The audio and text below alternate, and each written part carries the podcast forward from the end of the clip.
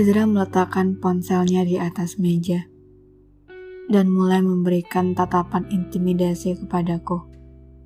Jelas, karena 25 menit yang lalu, setelah bertanya soal keberadaannya, aku langsung memintanya untuk ke sini. Aku udah pesenin buat kamu, jangan kebanyakan minum kopi ah, gak bagus. Dia menyeringai, walau pada akhirnya menuruti ucapanku. Ya udah, cepet deh. Cerita, sejam lagi aku ada flight. Aku memutar mataku malas, mencari titik fokus. Karena terlalu sulit rasanya untuk bisa fokus di saat harus menatap kedua iris mata Ezra. Soal dia lagi. Tanyanya lagi. Dan aku mengangguk. Kemarin dia ke kantor aku, Zak Jujur, aku pun merasa bahwa sepertinya Edra juga lama-lama jengah. Ya gimana enggak, waktu masih sama-sama dulu, hampir setiap hari obrolan aku dan dia nggak jauh dari laki-laki itu. Terus, dia jelasin semuanya, Za. Dia jelasin kenapa waktu itu dia tiba-tiba pergi. Dia minta maaf. Dia nanya kenapa aku ngebatasin semua sosial medianya dia. Yang gak aku duga adalah bahwa respon Ezra ternyata jauh lebih santai daripada sebelumnya. Ia mengangguk sebentar, lalu menyeruput minumannya sekali. Kamu sadar gak sih? Selama ini tuh kamu cuman blunder di tengah kotak hitam yang gak pernah berani kamu buka. Ezra benar. Sejak awal, memang aku yang terlalu takut untuk membuka isi kotak hitam itu.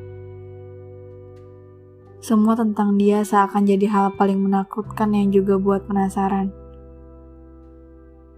Za, aku ngerasa bego banget tau ujarku.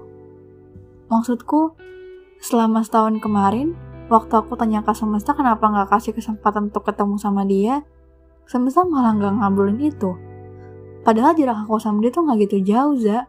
Harusnya kalau semesta emang suka bercanda, kita bisa ketemu di entah di kafe, perempatan jalan, di tukang sate padang yang bisa aku beli sama dia, atau di mana pun deh, dah.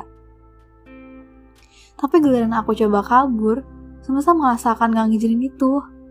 Capek, Za. Capek banget aku. Mau kabur lagi? Pertanyaan yang sama. Yang Edra tanyakan dua tahun lalu.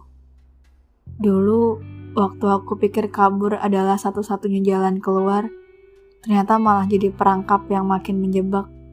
Bukannya lepas dari masalah, justru yang ada lebih parah. Sekarang aku ngerasa kabur pun akan sia-sia, Za. Balasku.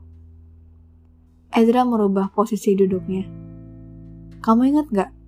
Gimana dulu kamu selalu excited tiap cerita soal Raka?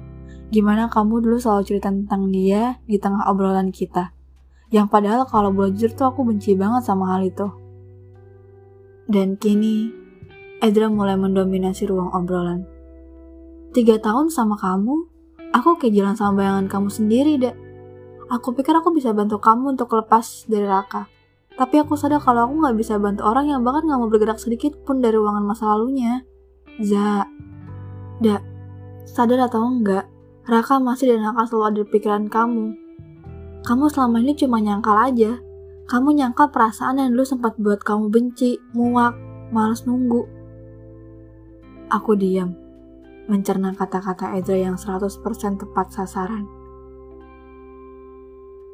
Mungkin apa yang kamu bilang benar, Za. Tapi itu dulu. Maksudnya? Iya, sekarang aku malah bingung. Karena kalau dulu aku merasa kehilangan karena ternyata aku cuma penasaran gimana rasanya memiliki Raka secara utuh, menyeluruh. Sekarang aku mikir kalau apa perasaan yang ingin memiliki itu masih beneran ada atau cuma sekedar rasa penasaran aja. But you still love him, right? Aku menggeleng pelan. I don't know. Aku juga bingung sama perasaan ini, Za. Aku bingung namanya apa. That's a problem. Terlalu banyak tanda tanya yang kamu buat sendiri dalam kepala kamu. Dan kamu selalu membiarkan diri kamu kasih jawaban sendiri, tanpa pernah minta pernyataan langsung dari dia.